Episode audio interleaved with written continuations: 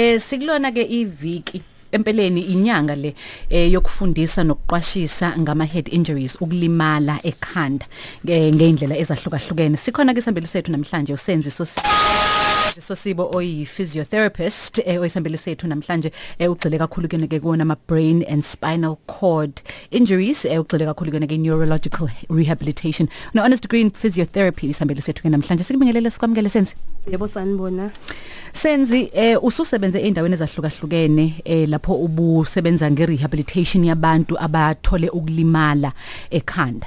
Uk- ak- Ake sichaze indaba ukuthi umuntu mayilimele ekhanda sisikhuluma ngani? Sikhuluma ngokuwa ulimale, sikhuluma ngani? Ukulimala ekhanda kuhlukene ngeinhlobo ezimbili. Ngokwesingisi kuyaye kuthiwe i-traumatic brain injury oyinye group kuyaye kuthiwe i-non traumatic brain injury. Okuthi i-traumatic lapho ulimele khona ngokuhlukumezeka noma ngokushayeka noma uma ube sengozini yemoto wase uyashayeka engqondweni kube nokopha eh kube nesilonda esivulekile kusho ukuthi lapho amathambo om- ekhanda asuke elimele noma ugwaziwe. Bese kuthiwa i-traumatic ngoba because way trauma bese kuba khona i-non traumatic brain injury lapho okusuke kukhona ukopha okwenza ngaphakathi. So engenzeka ukuthi kukhozwe i-stroke. So nakhona kusuke kusayi brain injury ngoba kusuke ku- kuhlukumeza umqondo. Bese kuba khona la kuba khona ihlule i-clot esuke iblock imithambo ehambisa u- u- igazi enqondweni bese kungabi khona i- i-oxygen esupply ingqondo. Lapho ke kusuke ku non traumatic noma uma ngabe ingane iminzile emanzini noma umuntu omdala i-drowning causes a non traumatic brain injury. Shuthi lapho kusuke i- i- i- ingqondo ingasupplyeki umoya ngoba uma uminza amanzi angena emaphashini bese umoya ungane ungayi emaphashini bese ungakhuphuki uye ekhanda engqondweni. And then kube khona into ezipoisonous noma ama infections anjengo meningitis asuke affecta umqondo bese uyadumba uvuvukale bese ungasebenzi ngokufaneleyo. Okay, so ma- masithi oku traumatic kukusihlobanisa kakhulu nokushayeka eh, ekhanda. yebo. Ng- Khona into engangayizwa eh kokuthiwa abantu babalwa tavern thizeni omunye washaya omunye nge- ngenqindi yodwa abantu babe bazi babazi nje ukuthi umshaye nge- nge- ngequpha once wawa washayeka wafa umuntu. Yinto enzeka ngempela le? Iyenzeka. Ifana nabantu abadlala ama sports isibhakela usho ukuthi ni bamshaya ngenqindi noma wawa phansi washayeka noma bashayela imoto uthola ukuthi akophanga okubonakalayo ngaphandle but umqondo ngaphakathi usuhlukumezekile.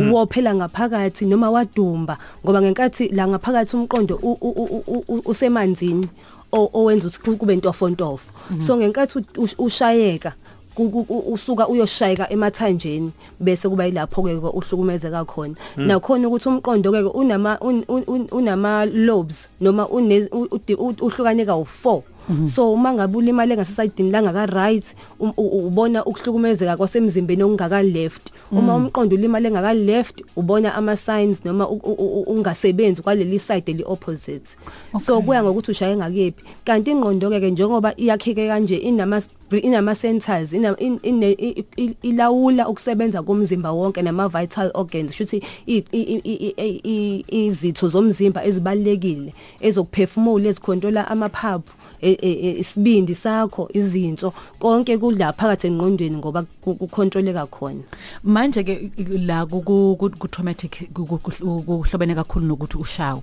Le iye engapha ye non traumatic i- indaba ye stroke iba yi head injury kanjani? Eh i-stroke ke ke nakhona ngisisihlukene kabili ngoba khona lesi sokopha phakathi emqondweni usho ukuthi kuqhuma umthambo. Ube nebleed kuchitheke igazi lichithekele ebuchosheni. Kusuke kubangwa yini kwakona ukuthi uz- uzugcina u- uphile kuqhuma umthambo?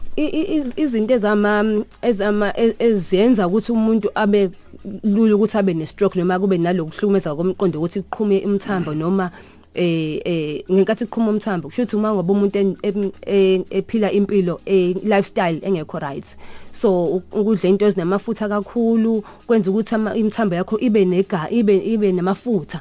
Enza ukuthi um- manje la ikhamba khona igazi kublock amaflu amafutha. Ngekathi kublock amafutha um- um- njenge hose pipe amanzi angahambi ngokukhuleka. Uma kwavaleka hose pipe le ndawo engemuva iba ne bubble bese kuyaqhuma kuchitheke so lapho kusuke kuchitheka igazi noma le ndawo engale kwala ikublockeke khona makublockwa mhlambe ihlule legazi uma sekuthi ngale kungasafiki le oxygen esuke igazi elisuke line oxygen bese leya ndawo engale iyafa. Ngoba uma ngabe isicubu singenawo umoya o- o correct o clean i- isicubu esilapho siyafa kuba kuthiwa nento ekuthiwa i- hypoxia. Akukho ioxygen efike enough lapho esupplyayo. Then ube ne stroke so mangabe uphuza ubhema ugwayi uzinikeza ukuthi ube se ube namathuba amaningi ukuthi ube ne stroke uma udla ukudla kwakho kungahlelekile ungabi ungadla ukudla kwakho okuhloli oku healthy njengama veg nokuthi ube active futhi umuntu uzinikeza i chance enkulu ukuthi ungaba nayo stroke so amanye mazukuphila impilo ehlanzekile eh kungakuvikela ekuthenini uthole lezi lezi zifo njengalezi? Kakhulu. I-stress sona ikhona indawo esiyidlalayo ikakhulu eh kubona stroke laba ngoba lokho meningitis uchazile ukuthi mhlawumbe umuntu usuke ethola infection njalo njalo.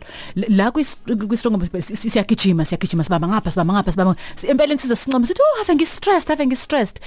Lokho kuba nawo umthelela yebo kunawo kakhulu i-stress umthelela ngoba ngenkathi une stress usuke ukhuphula into ekuthiwa i-BP ukushaya kwakho kwenhliziyo inhliziyo ishaya ngamawala ngoba usuke u frustrated noma une stress ucabanga kakhulu. Inhliziyo yakho ikhuphuleke ke iBP yakho. Ngenkathi iBP ikhuphuka yenza ukuthi negazi ishaye ngamandla ukukhuphuka engqondweni ifike lapha imithambo imncane. So igazi lingahambi ngokukhululeka. Sekulula ke lapho ukuthi uphinde ube ne stroke ngoba kuzokwenzakalani kuzoqhuma imithambo yakho bese uyopha. Ukwehla kweBP kona? Uma ngabe phansi kweBP usuke wenza ukuthi ikusuke kwenze ukuthi igazi leli line oxygen lingafiki ngobuningi balo ekhanda. Uthola ukuthi umuntu one one BP ephansi uthi ngiba nenzululwane. Inzululwane isuke isibangwa ukuthini? Ioxygen ayifiki. Ekhanda ngoba igazi alifiki ngokwanele engqondweni. Bese kuba khona eminye ke imithelelo eseceleni ke njengokuthi egazini lakho lamagazi esithi amasosha omzimba ama red blood cells asuke ephethwele ioxygen awafiki ngokwanele awamaningi egazini lakho. Usune anemia ke lapho usothi sene ne BP yakhe iyehla noma uba naleyo nto engisinzululwane eh ungazizwa u right sesimene si right uyawuthola ukuthi mhlawumbe umuntu uzolimala noma mhlawumbe uzoba uzothikamezeka ngaleyo ndlela ke abe ne head injury njengoba uchaza kubona traumatic no non traumatic bese singazi ukuthi ke umuntu simlekelela kanjani eh ngokuthi athole usizo. Iziphi indawo ezikhona mhlawumbe? Ngoba umunye umuntu angathi ay usabanjena nje inkosi yami umalume siyiphilela naye enje kanti usizo likhona ukulapheka komuntu onelimala kwasengqondweni kusuke kudinga ukuthi i-team ama specialist nama professionals abantu abakufundele lemkhakha lehlukahlukene bahlangane. So umuntu onjalo usizwa udokotela asizwe umhlengikazi asizwe ama physiotherapist asizwe ama occupational therapist ama speech therapist ama dietitian so wonke umuntu udlala indima yakhe ukulapheka kwalomuntu. Udokotela uzobheka ukuthi umuntu usesimele esinjani udinga ukunyangwa ungakanani lapho unese ezonika imishanguzo efaneleyo odokotela noma amgadi ukuthi udla ngokufanele ama udinga idrip noma akayidinga idrip. Kuyena ngokuthi ke kube ulimele kangakanani ngoba nokulimala kuhlukene khona okuyaye kuthiwe mild kube kuthiwe kube khona ku moderate okuphathi nendawo bese bakhona ku severe kusho la useke ku severe khona umuntu akhona usengakasakwazi ukuzenzela izinto eziningi esedinga isupport eningi from abantu abakufundele lokho ama physiotherapist angenelela ukuthi afundise umuntu izinto asuke kade sey engasakwazi ukuzenza uma eselimele. Uthola ukuthi umuntu akasakwazi ukusukuma ehambele iphysio yomfundisa noma uthola ukuthi ubefake izinto zoqondisa amathamba kwase kugoba amalunga athile mhlawumbe bekade ephuke nasengalweni usengozini yemoto walimala ekhanda waphuka engalweni. Noma ke ngenkathi elulama uhlale embedeni noma e-ICU isikhathi eside.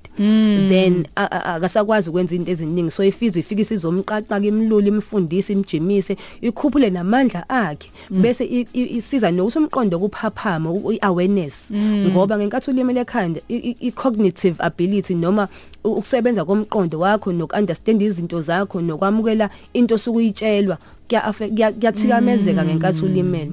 Bese kuthi occupational therapist isebenza ne physiotherapist ngoba ke yilabo basuke sebekwenza ukuthi ukwazi ukusebenza ngokosuku lakho uma ngabe ilanga lakho uzovuka ekseni ugeza uxubha ugqoke uzenzele inkomisho etiye bayabambisana ke physiotherapist no occupational therapist ukubuyisela esimeni sakho so before ukulimala ube nakho. I dietitian ibheka ukuthi ukwazi ukudla kahle yini eh unhlobo yokudla okudlayo kuyakwazi ukwehla emphinjeni.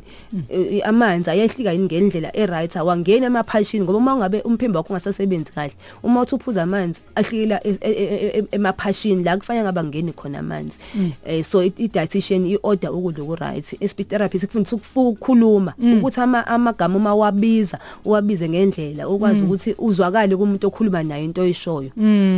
So iningi bese kuba khona ke i social worker idingakala kakhulu kumuntu one traumatic brain injury nomuntu one non traumatic kuba bonke nje abantu abalimale ngokomqondo ngoba i social work iyakwazi ukuthi ikunyange ngokomoya.